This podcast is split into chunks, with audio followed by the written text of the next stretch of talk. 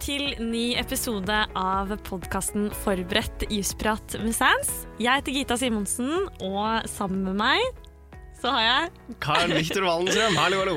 Hvis man er helt fersk til denne podkasten, Carl Viktor, hva er det man eh, kan forvente? Nei, Man kan jo forvente masse juss, en del fag, eh, og litt sånn god stemning og en fin måte å komme seg gjennom litt sånn vanskelige temaer innimellom, da. Ja, ganske allsidig podkast. Jeg vil si det.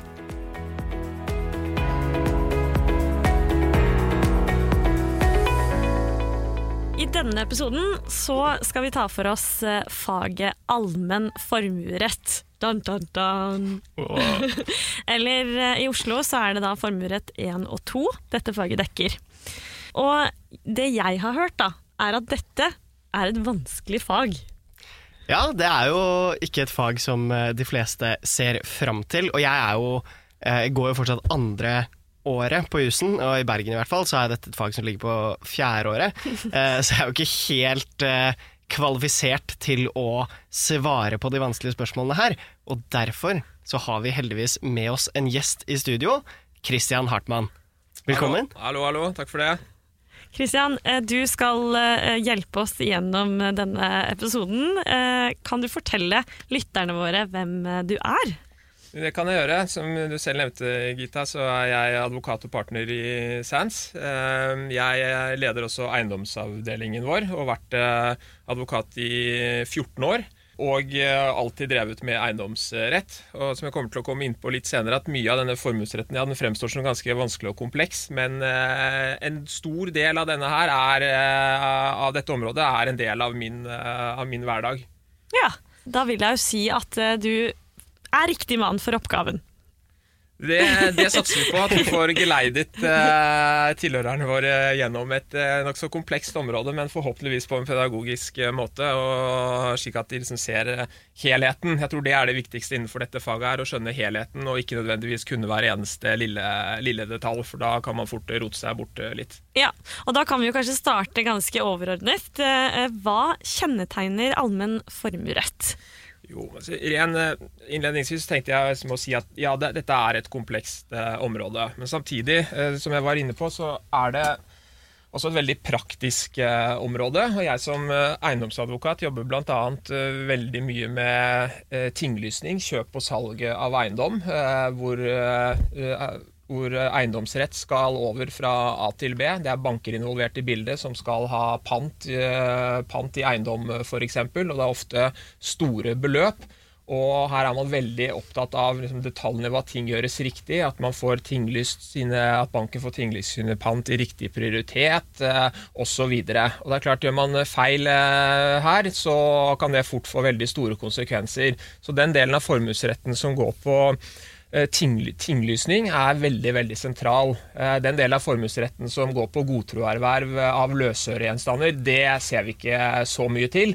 Og jeg må ærlig erkjenne at for, for, denne episoden her så måtte jeg lese meg litt opp. For det begynner å bli noen år siden. Det er 20 år siden jeg studerte, og jeg har vært borti dette én eller to ganger i løpet av de 20, 20 årene. Så alt er ikke like relevant, men det, men det, som er relevant, det er i tillegg veldig relevant for en eh, forretningsadvokat som driver med bl.a. eiendom.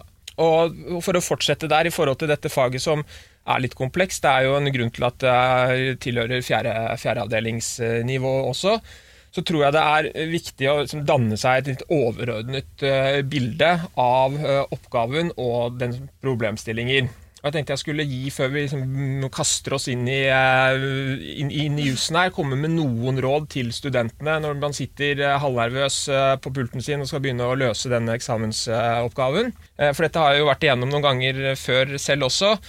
Og jeg har også vært sensor, sensor, ved et par anledninger, så jeg vet jo hvor elevene scorer bra, og hvor man bommer og kan bli straffet dertil. Jeg tenker kanskje Det aller viktigste det er at man må lese oppgaven eh, nøye. Og Ikke les kjapt igjennom og start å skrive. Les den gjerne to-tre ganger og lag en disposisjon i hodet ditt før, før, du begynner å skrive. Så ikke start med spørsmål én, og så besvar den før du har lest hele oppgaven og har en disposisjon for hvordan du egentlig skal besvare hele sakskomplekset. For Det er også en måte å se litt den røde tråden igjennom, for ofte er problemstillingene bygget opp litt kronologisk i forhold til hva du skal vurdere. Og før du da setter i gang, så du ikke roter deg bort, ha oversikt over hele sakskomplekset.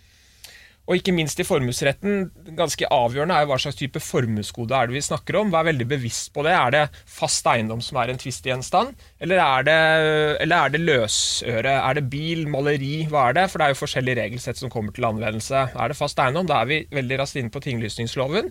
Og er det løsøre, så er det raskt inne på godtroervervsloven. Og der, der, må du ikke bomme. Men da stryker du, det kan jeg si allerede nå. Men det regner jeg med at det er eh, svært få som bommer der, for da har du ikke åpnet boken engang har vært veldig mye sosialt på studiet, for å si det sånn. Og så har det også vært i, å være oppmerksom på hvem som er egentlig motparten din i casen. Eh, er det en annen person som har kjøpt eh, eiendommen eller løsøregjenstanden på ordinært vis, eller er det en kreditor eller en som har fått et utlegg? Det er også veldig sentralt i forhold til det vi skal komme inn på, som er rettsvern.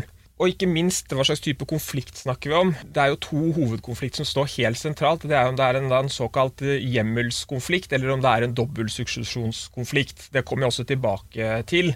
Men jeg regner med at En viss basic-kunnskap har man kanskje akkurat om det, men poenget akkurat innledningsvis nå er bare å ha et bevisst forhold til hva slags type konflikt det er, før man setter i gang med oppgaven. Mm. Og jeg har enda litt flere råd, eh, for du skal holde tunga rett i munnen eh, på dette feltet her. Og en tidslinje er viktig på formuesretten i forhold til prioriteter. Så tegn gjerne opp en tidslinje, og sett inn kronologisk rekkefølge når de enkelte hendelsene Uh, inntreffer. Når kjøper uh, Peder bilen f.eks. fra Marte? Når kommer utlegget? Når, kommer, når er det Lars Aas kjøper tingen som allerede er solgt? Så du har strukturen. Dette er kjempeviktig mm. i forhold til hvem som til slutt ender opp som den store seiereiere i eksamensopp eksamensoppgaven din. Og så er det to ting til også som er litt sånn lett i en stressende situasjon. Og det er svar på alle spørsmål. I en eksamensoppgave er det mange spørsmål som stilles, og det kan være litt lett i en litt sånn stressende situasjon, særlig på slutten, at du da ikke har fanget opp alle spørsmålene. Så sørg for at du svarer opp alle spørsmålene. Og ikke minst at du, at du svarer på de konkrete spørsmålene som er stilt. Altså Du kan skrive så mye bra just du bare vil, men hvis du ikke svarer på selve spørsmålet, spiller ikke noen rolle. Da får du svært lite uttelling, selv om det du skriver er fint og flott og korrekt. Så det der må man være bevisst på. Ja. Det, eh, det, høres jo litt ut som at det handler altså, I hvert fall før du setter i gang, å få det overblikket. Det er jo det alle disse punktene dine egentlig understreker der. Ja. Bruk litt tid. Ikke stress deg i gang. Det er det. Og jeg er kjempeglad i å tegne. Det gjør jeg når jeg jobber også. Lager figurer, eh, tidslinjer, så du får eh, mye bedre oversikt over hva som skjer, hva som skjer når. Ha gjerne tegningen foran deg når du, når du starter oppgaven. Og så Helt på tampen innledningsvis som råd, ett aller siste råd. Vær så snill å ha fokus på et enkelt språk. Dette er ikke et verdensmesterskap i å være en advokat på 1940-tallet og skrive lengst mulig setninger, mest mulig komplett språk tenk hele tiden på kan jeg dele opp setningen, uh, gjøre den enkelt. Det er ikke om å gjøre å skrive én setning som er et, uh, er et helt avsnitt, gjerne, gjerne, mikset med ganske gammel ordbruk. og Det har jeg også skjønt på studiet at det er lagt litt fokus på akkurat det, for studentene har en tendens til å tro at juss, advokat, ja, og det er så veldig fint og flott, og her skal det være formelt. Eh, nei, det er faktisk ikke det.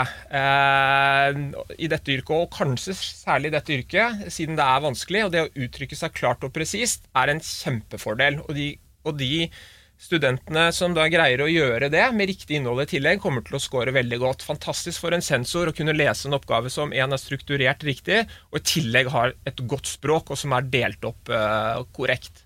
Så Det var vel innledningsvis eh, noen sånne kjappe råd. Og så puster vi og senker skuldrene, så kommer dette til å gå, gå bra. Altså Hvis vi skal bevege oss litt videre da, eh, til selve eh, faget, på en måte. Ja, det kan vi gjøre. Og åpenbart i eh, dette mm, uh, dette området, så er det jo Det er jo rettsvern mye av det går på. Uh, hvem havner til slutt opp med denne tingen som jeg nevnte? Er det Peder Aas eller uh, Lars Holm, er det vel han heter, eller, eller Marte Kirkerud? Og Det kommer jo helt an på hvilke regler man har, og hvordan man da får etablert dette rettsvernet. Det er jo det det går ut på. Uh, og det jeg skal prøve å gjøre det så pedagogisk uh, mulig uh, Så pedagogisk godt som overhodet mulig. Eh, så jeg har sett for meg at vi prøver å dele inn temaet i dag på hva slags type formuesgoder vi snakker om. Vi tar først eiendom, fast eiendom. Så tar vi løs, løsøre. Og sier da litt i forhold til disse to formuesgodene hvordan sikrer man rettsvern, og hvordan kan ekstinksjon finne sted. Og så ser vi bitte litt nærmere på noen øvrige pantsettelsesinstitutter, hvis vi rekker det. Og så avslutter vi med, veldig raskt med litt konkurs og litt omstøtelsesrett, for det står også veldig, veldig sentralt. Um, og da tenkte jeg vel vi egentlig bare kan uh, gå i gang. Ja, um, absolutt. Fast eiendom? da går vi i gang hvor formuesgodet er, uh, er uh, fast eiendom. Og innledningsvis, uansett om dette er um, fast eiendom eller løsøre, så ligger det en forutsetning for at avtalen mellom de to partene det er snakk om, eh, A og B, eller kjøper og selger, er at den avtalen er eh, gyldig. Eh, hvis du får spørsmål hvis det plutselig er spørsmål om den avtalen er ugyldig mellom A og B, da er vi jo ikke inne i formuesretten lenger. Da er vi jo på avtaleretten, og det er et helt annet kapittel. Eh, men det kan jo være greit å være oppmerksom på, for jeg så f.eks. i fjorårets eh, oppgave. Der var det jo tatt inn at, eh, at selgeren hadde en fullmakt fra sin kone eller var det, var det samboer, hvor det var da lagt opp til en sånn liten tematikk rundt det. Men det er klart, hvis du konkluderer med at avtalen mellom kjøper og selger ikke er gyldig, altså da kommer du ingen vei videre. Så konklusjonen må være at den er gyldig, og så starter selve, selve moroa. Mm. Men det er liksom en forutsetning. Ellers er vi som sagt rett i avtaleretten, som er et helt annet felt. da. Og så er det jo veldig greit å ha strukturen eh, klar. og Man er vel kjent med dette skjemaet, faktisk tegnet opp i dag også, hvor man har eh, Hof, som er hjemmelsmannen. og Så har man neste rekke A, som egentlig er selgeren i dette konseptet. Og så har du B, eh, som da er kjøper av gjenstanden.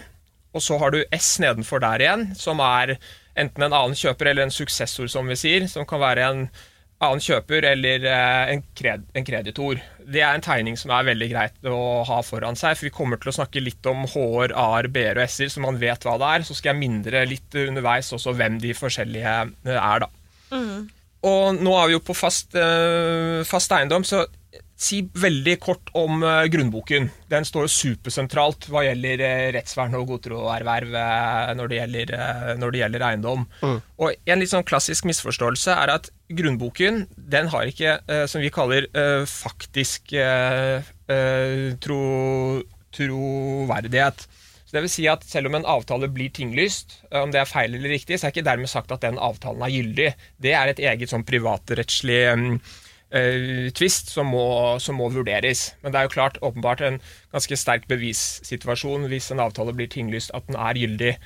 Og også hvis det i grunnboken står opplyst hvor stort et areal er, f.eks., eh, så er det ikke dermed sagt at kjøperen kan legge til grunn at ja, men det sto jo at det var, skulle være 200 kvadratmeter i, eh, opplyst i noen arealbetegnelse i, i grunnboken. Det er ikke dermed sagt at det er det som skal legges til grunn. Så den faktiske troverdigheten, det har ikke grunnboken. Men grunnboken har i veldig, veldig stor utstrekning rettslig troverdighet.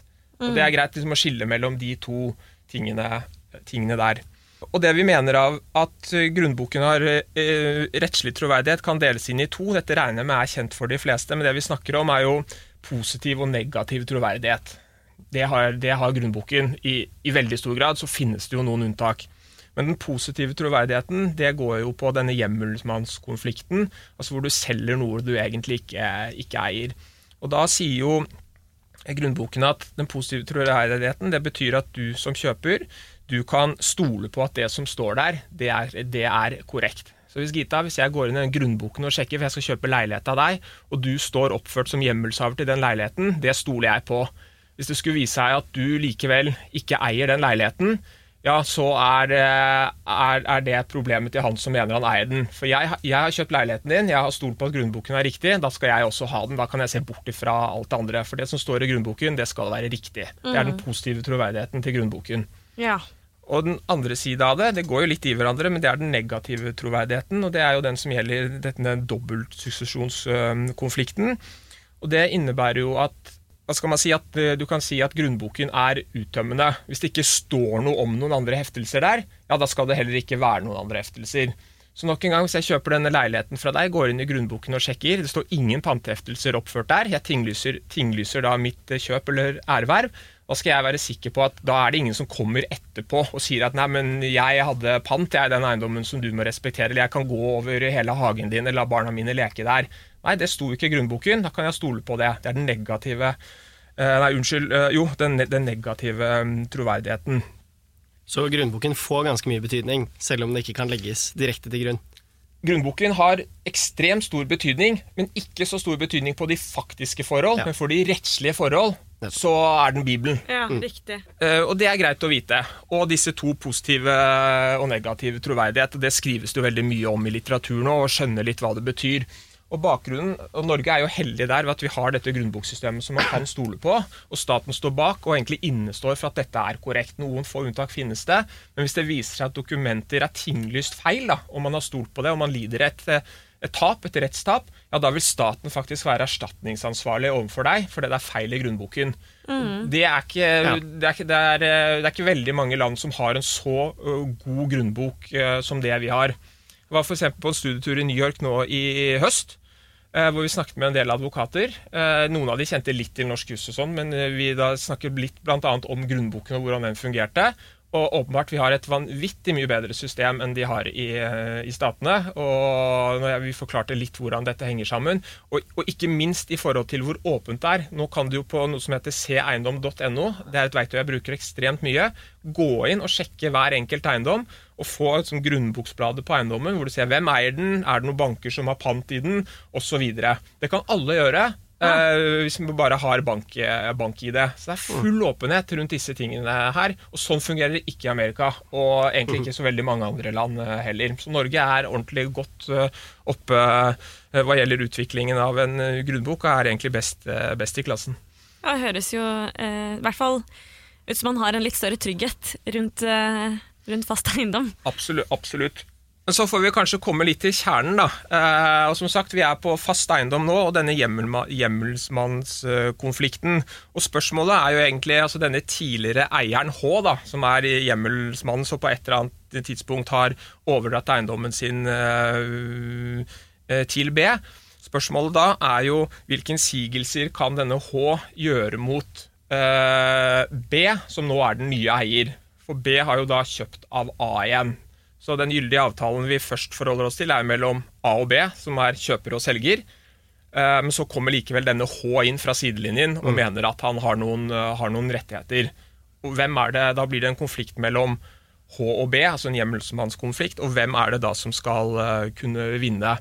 Og bare For å sette litt i perspektiv, det, for det kan høres litt rart ut, hvordan kan man komme i den situasjonen der? Men det kan jo fort skje ved at H f.eks. sier at han har aldri overdratt eiendommen til eh, A. Kanskje ikke så eh, relevant for eiendom, men for løsøre f.eks. kan jo det tenkes. Mm. Det kan jo tenkes at, det en, at H sier at det er en ugyldig overdragelse. Eh, Jeg har blitt lurt, eh, svindlet eh, på en måte, men A har da faktisk eh, eiendelen i sin besittelse. Eller at det er en sånn proforma. Bare utad så fremstår det som A eier, men det er H som eier. Kan H da gå til B, som har betalt, gjort opp for dette her, og si at nei, vet du hva, det er min eiendom istedenfor. Det er jo det vi kaller ekstinksjon. Altså kan B da, som ny eier, ekstingvere H sine eh, rettigheter. Der er tinglysningsloven da helt sentral, og det vi er i, er jo da tinglysningslovens paragraf eh, 27. Og for å svare opp eh, enkelt, eh, enkelt og enkelt, det er ikke noe enkeltsvar, men eh, det er jo at B vil vinne over Hs rettighet hvis enkelte vilkår i loven er fylt opp, eller oppfylt. Og, og som jeg glemte litt innledningsvis, kan det være verdt å merke også, når når man da har funnet frem til hvilken hjemmel som skal brukes, sørg også for å vurdere alle vilkårene i loven for eh, at den, den bestemmelsen uh, er oppfylt. Og Hva gjelder den casen vi er inne i nå, konflikten mellom da H og denne UB, så har jeg vært inne på at uh, avtalen mellom A og B det, den må for det første være gyldig. og Så må det være et avtaleerverv. Det kan ikke være uh, hvis B har arvet uh, eiendommen f.eks., uh, eller uh, ved kreditorbeslag, så kan ikke han bruke paragraf 27. Men har han kjøpt den på vanlig vis, så kan han bruke den. Og tilsvarende også hvis han har mottatt den ved gavesalg. Og A må også ha tinglyst hjemmel til eiendommen. Og det er liksom her vi er inne på eh, den positive troverdigheten. Fordi B forholder seg til en som har grunnbokshjemmel. Det er liksom et helt eh, elementært eh, krav. Eh, Og videre så må B også tinglyse sitt æreverv i grunnboken for at han skal kunne ekstingvere. Og alle disse vilkårene står i loven. Jeg har bare ram ramser de opp her nå, men leser man loven, så står vilkårene der. Men det er ikke alle som står helt sånn rett ut, så du må, du må ha vært igjennom dette noen ganger og sørge for at du huker av alle.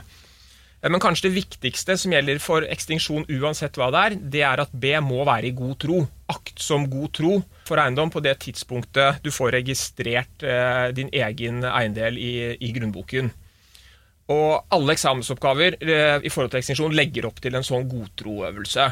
Så det, Du kan bare legge til grunn uh, at det må du igjennom når det er ekstinksjon. Så tenker jeg at Vi skal ikke gå veldig mye gjennom en sånn godtroøvelse her. Det får man lese seg litt uh, opp til òg.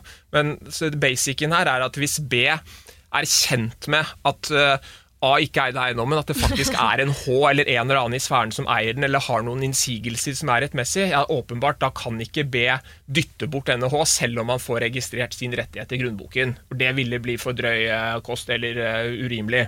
Så god tro, aktsom god tro. Kjente han, eller burde han kjenne til, at det er, no, at det er noe skurr eh, her, så vil han da, og det viser seg å være riktig, så vil han ikke kunne ekstingvere. Da taper han. Da er det H som får, får eiendommen. Dumt spørsmål, kanskje, men får han tilbake alle pengene sine da? Hvis han da ikke egentlig har rett Nei, til det? og det er, det er det man ikke, ikke gjør, for da, har du, for da har du egentlig forholdt deg til en ond tro, holdt jeg på å si, og da Ja. er ikke du beskyttelsesverdig.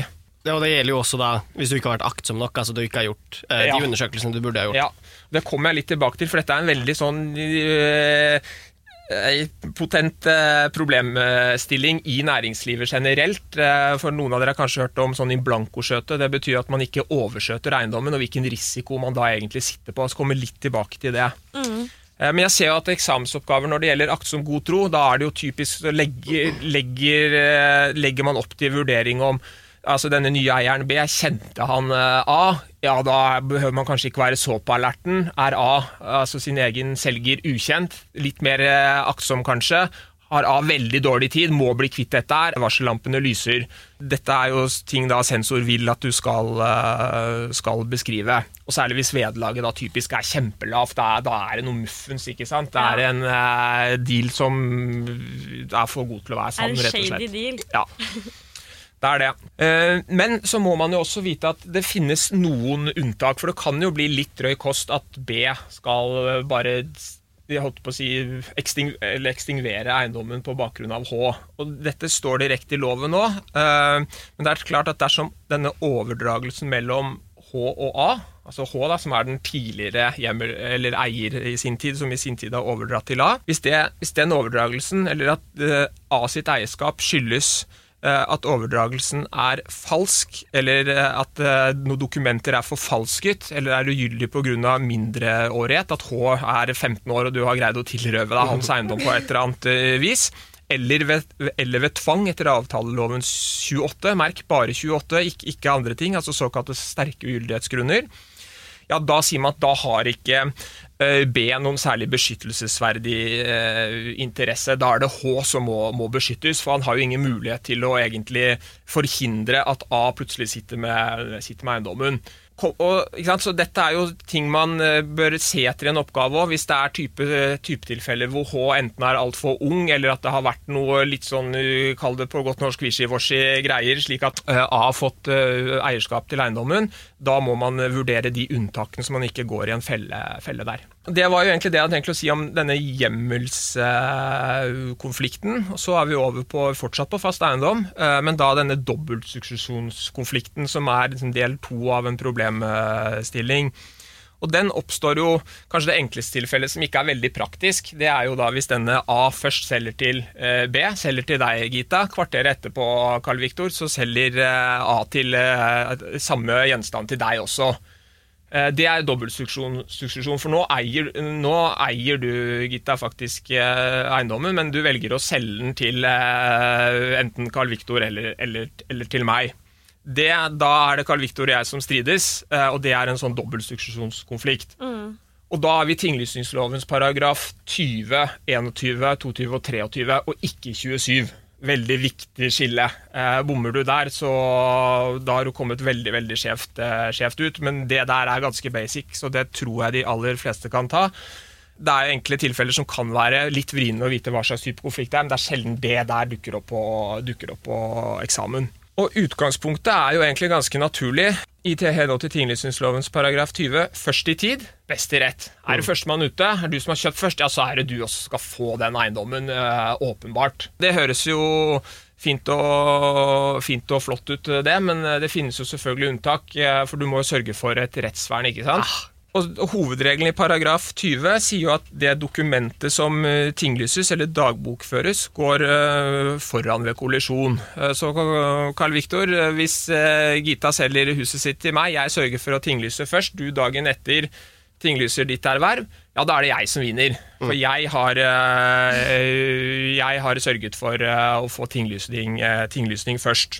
Og det spiller jo ingen rolle når selve avtalen er inngått. Så Gitla kan jo gjerne ha solgt den eiendommen til deg for to år siden, men du har ikke overskjøtet. Og så selger hun to år etter til meg, men jeg overskjøter. Så da er det jeg som vinner, for jeg har eh, fått rettsvern og tinglyst min rett. Men du, har, eh, du mister din rett, for du har ikke gjort rettsvernsøvelsen. Mm. Så jeg ekstingverer din rett. Det kan jo virke ganske tøft, dette her. Men, eh, men sånn er det. Og dette handler om tinglysning, å få rettsvern for sitt erverv kjempeviktig i det praktiske eh, liv. Det er derfor man også har sånne oppgjørsmeglere. Når man kjøper en leiligheten sin, f.eks., så er de jo veldig opptatt av pølse og penger-prinsippet, og sørger for mm. faktisk eh, at du får rettsvernet du skal ha, før noen penger fra klientkonto går ut til, eh, ut til selger. Så her må man eh, være litt på ball, rett og slett, for å passe på at man har de rettighetene man skal ha. Eh, antydet jo at det kanskje fantes unntak fra den første tid best i rett-regelen ja, også? Det gjør jo det, for det er jo noen eh, X-faktorer her som stilles litt bedre enn andre. Og det er jo typisk hvis det kommer en utleggsforretning, så jeg ikke si mye hva det er, men hvis du skylder penger, så er jo en måte å få inndrevet kravet ditt eh, på, er at du får pant i da f.eks. eiendommen. Og en slik utleggsforretning, den vil gå foran eh, et annet rettserverv som er registrert samme dag. Så hvis jeg kjøper denne eiendommen, tinglyser samme dag, eh, og samme dag kommer det også et utlegg, da er det faktisk det utlegget som går først. Det vil være typisk et pant, der la oss si 100 000 kroner. Da er jeg nødt til å mm. overta den eiendommen med de 100 000 kronene, for det ble registrert samme dag. Og så er det én liten krabat som er enda bedre stilt, og det er et, et konkursbo. For skal din rettighet stå så overfor et konkursbo, så må du faktisk sørge for da eh, tinglysning eh, senest dagen før konkursåpningen. Og Litt av bakgrunnen for disse reglene er jo at når du nærmer deg konkurs, så er det jo fort at man prøver å tømme boet sitt for eh, midler. Selge i hytte og gevær. ikke sant? Så sørger man for å få tinglyst det på noen andre, kanskje kona en kompis eller et eller annet. Og For å unngå den situasjonen der da, så er typisk kreditorer og, og boer bedre stilt enn en ordinær eh, kjøp, kjøper. da. Eh, og Her kommer også denne tidslinjen inn. Man vet nøyaktig hvilken tid man får tinglyst sitt eh, rettsvern, eh, rettsvern på. Og Tiden følger jo også med i, hos tinglysningsmyndighetene, så nå har man åpnet for elektronisk tinglysning. Og Da snakker man jo ikke om sånn samme dag lenger, da snakker man om klokkeslett. Ja. Eh, så tinglyser jeg eh, ett minutt uh, før deg, Karl Viktor, ja, da er det jeg som vinner. Sånn er det bare. Det er, det dramatisk. Det er veldig dramatisk. og merk at det er store verdier. Dette er bolfast eiendom vi snakker om. Den største investeringen du gjør. Mm. Som kan risikere gå i vifta. Nå gjør du svært sjelden det for privatpersoner, for du gjør jo dette via en megler, og det vil jo være megler som er ansvarlig hvis dette blir, blir, blir gærent til slutt. Da. Ja, så vi snakket om at Paragraf 20 var hovedregelen her. Eh, er det noen vilkår for at den skal komme til anvendelse? Ja da, det er jo selvfølgelig det også her. Og igjen, her må man jo eh, altså, inn i vilkårene loven eh, stiller. Og som jeg har vært inne på tidligere, er forutsetning at avtalen mellom A og B er gyldig, ellers er vi i avtaleretten og ikke i formuesretten. Også her kommer selvfølgelig dette godtrokravet inn. B mm. må være i aktsom god tro på registreringstidspunktet. Altså når du f.eks. Eh, får tinglyst, eh, får tinglyst eh, ditt skjøte da, til eiendommen. På det tidspunktet må du være i god tro. Så spørsmålet man må stille seg da, er om B kjente eller burde kjenne til at det var en eldre rettighet eh, som ikke var, eh, som var tinglyst. Og visste du om det? F.eks. Eh, en bruksrett da, mm. eh, som naboen har over veien. La oss si det går en sånn stripe over, eh, over hagen til det huset du har kjøpt, og så tinglyser du. eh, ditt værvær, men den bruksretten den er ikke tinglyst. da. Det er ganske åpenbart at det kanskje er noen som eh, har rett til å gå over her. Da kan du fort som kjøper av dette huset bli ansett som å ikke være i aktsom god tro. Du burde i hvert fall stilt noen spørsmål. da. Ja. Og da kan ikke du etter at du har overtatt, bare nekte naboen å gå der. For da eksingererer du ikke naboens eh, rett, for du var ikke god tro. Og god tro er bare kjempesentralt når det gjelder disse tingene her, og der eh, forventer man en, litt re en redegjørelse rundt de tingene, og det er ofte en litt sånn helhetsvurdering. Hva er aktsom god tro? Om du treffer 100 eller ikke, det er ikke så farlig, men at du har med deg eh, vurderingstemaene, det er det, som er, eh, det er det som er viktig. Og så en liten sånn digresjon kan man bare være eh, bare vite at det er noe som heter legalpant. altså Det er noen rettigheter som eh, har rettigheter som om de var tinglyst på førsteprioritet. Eh, og det vil typisk være kommunens krav på eiendomsskatt og offentlige avgifter. De Sånne legalpanterettigheter det tinglyses ikke, de har bare etter lov, etter pantelovens paragraf 6-1, så har de første, første prioritet. Sånn er det bare. Så det vil du aldri kunne ekstingvere. Og Enkelte av dere har kanskje kjøpt en sånn selveierleilighet. Hvis du ser i grunnboken der, så står det ofte at sameie har sånn legalpann på 10, 10 eh, Jeg husker ikke om det var 5 eller 10, eller 10 eh, som er en sikkerhet for sameie de øvrige seksjonsherrene, at du betaler felleskostnadene dine. Det er et pant som står seg foran alt annet. Mm. Eh, så det er en liten sånn særregel som man bare kan ha i bakhodet hvis det blir aktuelt. Da. da har vi snakket en del om fast eiendom, og så er det jo det, dette som handler om løsøre. Eh, og da kanskje først og fremst, hva er løsøre for noe? Ja, Veldig enkelt svart på det. Det er eh, alt som da ikke er fast, eh, fast eiendom. Det er, det er, biler og båter, sofaer, stoler, malerier, altså you name it. Men da typisk ikke fordringer, f.eks., for, eksempel, for det reguleres av egen lov som heter gjeldsbrevsloven. Så løsøre det kan være så mangt. I det praktiske liv så er ikke akkurat uh, rettsvern uh, i knyttet til løsøre det mest relevante. Det er tinglysning og fast eiendom som jeg har snakket om, men uh, i eksamensoppgave så er det veldig, veldig sentralt. Da er det det som gjelder. Men nå skal ikke jeg forskuttere og se inn i krystallkula hva som kommer på denne eksamen, men fjorårets eksamen, da var det jo løsøre det gjaldt. Eh, nå er det veldig skummelt å, å, tro noe, men da kan det jo hende at man nå har litt fokus på fast eiendom og tinglysning istedenfor, og ikke godtroekstinksjon etter uh, godtro, godtroloven. Uh, men ikke gamble på det, vi leser på begge deler, ikke sant? Det er, det er viktig. Alltid lurt. Ja. Og igjen så har vi også her de samme konfliktene, denne hjemmelmannskonflikten og eh, dobbeltsuksesjonskonflikten. Og også her er det jo en forutsetning at det er et gyldig erverv mellom, eh, mellom A og B. Og et vilkår for at eh, Og, og merk nå at vilkårene er de er ikke så altfor forskjellige eh, i forhold til tinglysningsloven, men eh, det er, det er forskjell her. og krav, og og lovens krav, altså god, godtroervervsloven, som er det sentrale her, eh, har, stiller opp flere krav som du kan lese direkte ut av, eh, av lovteksten. Og Her må du liksom være igjennom alle vilkårene for å, for å foreta en god besvarelse. Og vilkårene for at man skal kunne ekstingvere, det er jo eh, bl.a. at A, som selger deg tingen, han må sitte med tingen. Uh, Han må faktisk ha den i, i, i, sin disposisjon, og det følger direkte av loven når det står at det må være solgt av den som sitter med tingen. Uh, så hvis du ikke har tingen, da får du heller ikke som kjøper uh, ekstingvert, for da har du liksom ingen grunn til å tro at selgeren din eh, faktisk eh, var den som eh, eide.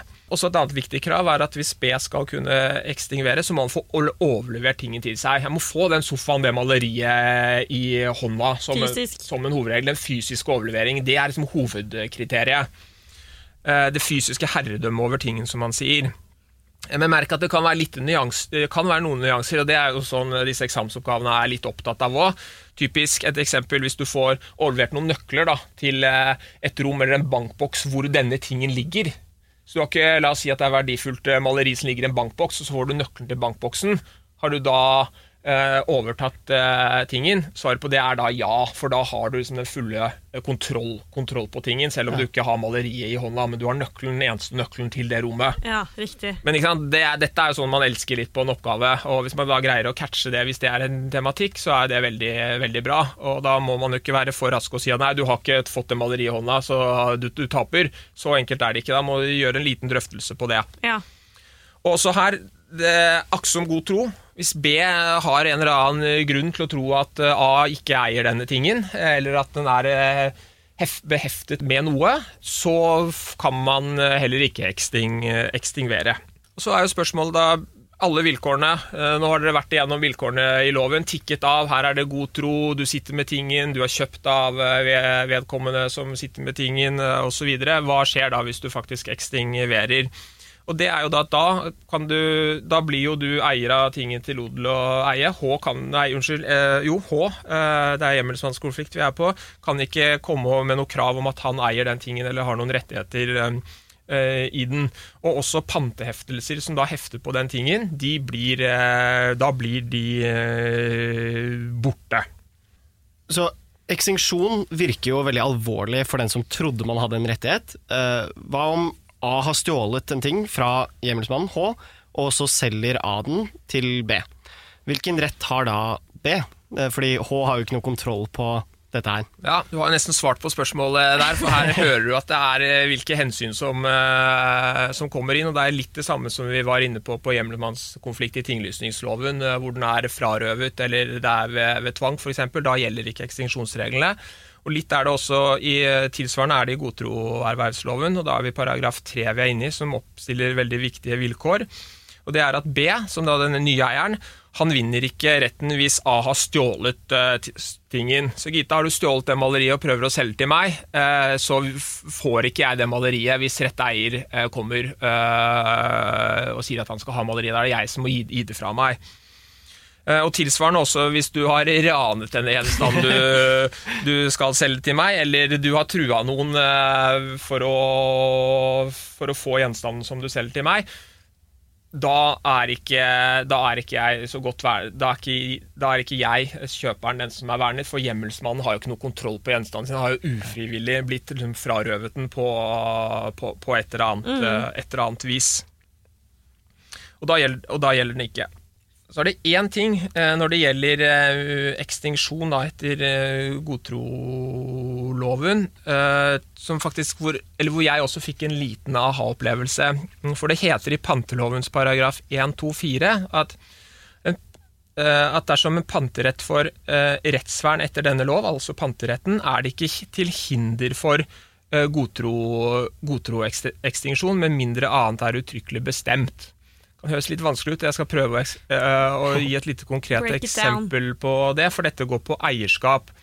Så det loven egentlig, panteloven egentlig sier, eh, Karl Viktor, er at hvis du får rettsvern eh, for, for din panterett da, i tingen, så kan du likevel miste den panterettigheten hvis jeg oppfyller alle lovene til ekstinksjon i godtro- i godtroervervsloven. Ja.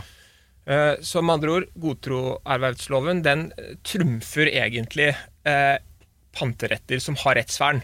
Med mindre det står særskilt i loven at rettsvernet går foran godtroloven. Og bare for å ta det, for det gjelder bl.a. Uh, motorkjøretøy, og det er typisk et sånt ålreit eksempel man kommer, kommer med på eksamen. Og hvis man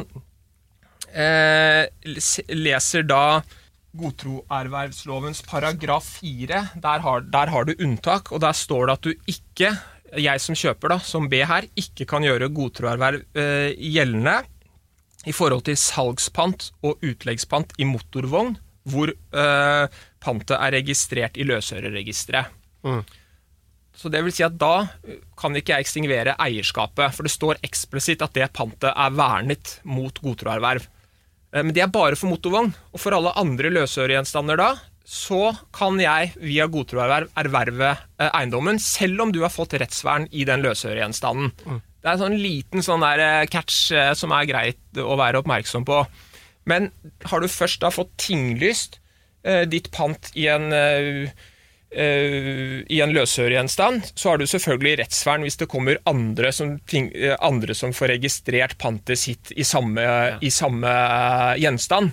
Men du, du blir ikke vernet mot en som kjøper den gjenstanden som er i god tro, ikke kjenner til eh, pantet ditt. Det der er litt, litt sånn vanskelig, men bare vær oppmerksom på eh, pantelovens paragraf 1-2 nummer 4 i alle fall, hva gjelder, eh, hva gjelder akkurat dette punktet, og knyttet opp til motorvogn og, og, ekstinksjon. Og dette står jo da særskilt i loven, i godtroloven, under unntakene. Så hvis du bare leser loven igjennom, så vil du komme på denne, denne problemstillingen. Da tenkte jeg vi kan hoppe over til dobbeltsuksesjonstilfellet også for løsøre. Og dette er jo veldig mye det samme eh, det går ut på, så jeg skal ikke være for eh, gå for i detalj, men dette igjen er jo typisk, eh, Gita. Du selger sofaen din eh, til meg, eh, jeg har ikke rukket kanskje å hente den ennå, og så selger du den til Carl Victor etterpå. Hvem av oss er det som får den sofaen? Det er jo spørsmålet. Ja. Eller at du selger kanskje en ting som er litt mer verdt til meg, eh, men forut for det så har Carl Victor fått pant i den tingen, for du skylder jo Carl Victor 1000 kroner, og Carl Victor vil jo sørge for at han har sikkerhet for det, så du har sagt ja, men du, da får du pant i den gjenstanden, da. Det har skjedd fire år før du selger til meg. Må jeg respektere Carl Victor sitt eh, gamle pant eller ikke? Det er problemstillingen i dobbeltsuksesjonstilfellene. Og utgangspunktet eh, for dobbelt suksesjon, altså, det er jo da har, du, har, jeg fått rettsvern eller ikke. Og rettsvern for en løsøregjenstand, det får jeg ved, som vi har snakket om, å få den i eh, hånda. Ved overlevering. Da har jeg rettsvern. Og det betyr to ting. For det første da vil jeg ekstingvere den derre panteretten du fikk for tre år siden fordi du lånte penger til Gita, den blir helt borte. Eh, for du har ikke sørget for noe rettsvern, men det har jeg sørget for, for det er jeg som eh, har fått den. Og Samtidig så er du også da sikret at Gita skal For nå er jo Gita en ordentlig kjeltring, så hun prøver jo å selge den tingen et par ganger til etter at jeg har kjøpt. Men siden jeg har fått tingen og fått rettsvern, jeg har den i hånda mi, så får, kan ikke Gita selge den til noen andre. Godt mulig du får til det, og at du får noe penger inn, men den gjenstanden den blir hos meg. For det er jeg som har fått rettsvern og fått, og fått, fått den overlevert. Liten digresjon. Hvis jeg da selger et uh, bilde på Finn, uh, og så selger jeg det til deg, og så selger jeg det også til Carl Victor, Eh, men ingen av dere har fått det. Men jeg, jeg har fått pengene, jeg har fått VIPS, liksom. Ja. Er det da du som får rett på dette bildet fordi vi avtalte først? Ja, det er da det utgangspunktet. Det er først i tid best, best i rett. Men hvis da det er Carl Victor, selv om han var den som kjøpte det sist, kommer til deg først og henter det maleriet, mm. da kan man tenke seg at det blir litt annerledes skal komme så vidt inn på det, for det er noe som heter interesselæren, som er et unntak fra akkurat den overleveringsakten. Så da har vi vært litt igjennom uh, dobbeltsuksesjon, men dette er jo ikke noe som skjer automatisk. Også her er det selvfølgelig vilkår for at uh, jeg skal uh, kunne si uh, ha det bra til alle andre. Dette er det jeg som eier. Jeg gidder ikke høre på noen innsigelser om at det er noen andre som eier eller har noen heftelser i dette. Og veldig kort oppsummert, så gyldig avtale mellom A og, A og B. Det må foreligge et æreverv mot uh, vederlag. Så jeg må ha kjøpt tingen for et uh, vederlag så jeg skal kunne ekstingvere. Har jeg arvet den, eller jeg har fått den, eller um, kjøpt den um, svært, svært billig, så kan jeg ikke ekstingvere etter godtroloven. Og så må jeg ha inngått avtale med Eh, den som faktisk har tingen i sin besittelse. Så du må ha den sofaen eller det maleriet må du ha, Gita, hvis det er jeg som skal eh, kjøpe og i Eh, og jeg må få overlevert tingen, som jeg har vært inne på flere ganger. Og selvfølgelig så må jeg være i denne aktsomme, gode troen. Men dette overleveringskravet, er det så absolutt for å få rettsvern for løsøre? Hva hvis man har betalt for en vare, og så, ja, praktiske grunner, så velger du å hente den senere? Hva skjer da? Ja, det er, det er, jo et godt uh, spørsmål. For som jeg har sagt noen rekke ganger, Skal du få rettsvern for en sånn løsgjørergjenstand, så må du ha den i din besittelse. Du du må fysisk ha den, ha den, i hånda. Så kan det jo tenkes tilfeller hvor det der kan virke litt strengt også. Og dette er også litt sånn uh, eksamensaktuelt, uh, da. For hva hvis jeg kjøper tingen, jeg betaler den, men jeg gidder ikke å hente den, eller jeg bare utsetter det, og Gita, så selger du tingen din eh, til Carl Victor, og han overtar den. Mm. Eh, da har jo ikke jeg en sånn veldig beskyttelsesverdig eh, interesse, så da er det faktisk Carl Victor som vil vinne, for det er han som har gjort sikringsakten først. For jeg burde jo komme, komme til deg. Mm. Men hva hvis jeg ikke har uh, eksempel, altså Dette er eksempel som brukes i teorien.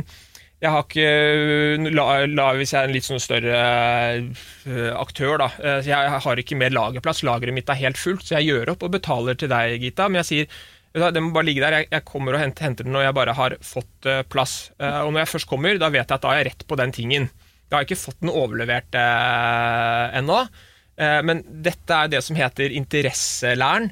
For da er det en interesse for meg som kjøper å la tingen fortsatt være litt hos deg. Fordi jeg f.eks. ikke har lagerkapasitet eller har vært ute og reist eller noe sånt. Mm. Og interesselæren er da et lite unntak fra denne overleveringsakten. Så får man gjerne lese seg litt mer opp på det, men poenget er i hvert fall hvis, en, hvis man ser i faktum at det, man bygger opp til en slik situasjon, så bør man ha nevnt denne interesselæren, hvor åpenbart hovedregelen er at du skal ha den i hånda, men så finnes det kanskje noe, så finnes det noe unntak med interesselæren hvis det er i kjøpers interesse at man har avventet lite grann. Mm. Men da løper man en kjemperisiko. Poenget her er bare at man har nevnt det, i hvert fall i besvarelsen uh, sin. For det er jo siden overlevering er nesten absolutt, så er det dette lille unntaket. Skal du ha en virkelig god besvarelse da, så er du også inne på dette med interesselæren. Det er ikke så farlig om du konkluderer galt eller riktig, det viktigste er bare at du har nevnt tematikken. Mm. Mm. Det er alltid noen unntak, altså. Men Alltid noen unntak. Ja. Nå har du vært gjennom eh, formuesgoder som fast eiendom og løsøre. Hva med pengekrav? Jo, jeg, eh, pengekrav er jo også en del av uh, pensum, så jeg tenkte jeg bare veldig raskt skulle gå gjennom, uh, gjennom det. Og, og, et pengekrav, ja, hva det? Jo, det vet jo de fleste, men altså, det er jo et krav jeg har mot en navngitt skyldner. Gita, du skylder meg penger. Eller du kommer til å skylde meg penger fordi du fordi du har kjøpt noe, noe, av meg. Det er et eh, pengekrav. Og et slikt pengekrav det kan jeg, jeg um, pantsette og få sikkerhet for, og det er pantelovens paragraf uh, 4-4. Men det som er viktig, og som er en sånn sondring, det er at eh, selve den der panteretten, det pant jeg får, altså det har jo ingen verdi i seg selv. Det må være et underliggende krav, altså pantekravet, som uh, jeg pantsetter bare å ha et pant spiller jo ikke noen rolle. Du må jo faktisk f.eks. skylde meg noen penger eh, for at det pantekravet, eh, eller den, unnskyld, den panteretten eh, skal ha noe, ha noe verdi. Og, og, hvordan får jeg rettsvern for den panteretten jeg har? Jo, det er jo at enten pantsetter eller pantehaver varsler skyldneren om at nå er kravet ditt pantsatt. Så det er egentlig ikke noe overlevering eller noe tinglysning eller sånn, det er hva man kaller notifikasjon. Du må, har du fått pant i eh, en, eh, et pengekrav, så må du varsle skyldneren, altså debitor, om at nå er det kravet pantsatt. Har du gjort det skriftlig, så, eller det kan også være muntlig, men da er du sånn bevismessig litt vanskeligere, så dette gjør vi skriftlig, så har du, har du rettsvern. Og Noe mer enn det tenkte jeg egentlig ikke skal si om enkle, enkle pengekrav. Det er bare pantelovens 4-4 eh, og 4-5 hvis dette skal komme på spissen. Ja. Da En kort liten oppsummering. Det vi frem til nå har pratet om, uh, har jo i all hovedsak vært i rettsvern, hvordan oppnå rettsvern og ekstinksjonsreglene, uh, henholdsvis både for fast eiendom og for løsøre, og hvilket regelsett som gjelder. Og eh, vi skal lage en, eh, en til episode innenfor eh, formue, allmenn formuerett, der vi eh, skal gå videre innenfor konkurs. Så eh, da er det bare for dere der ute å eh, klikke dere videre til episode to konkurs.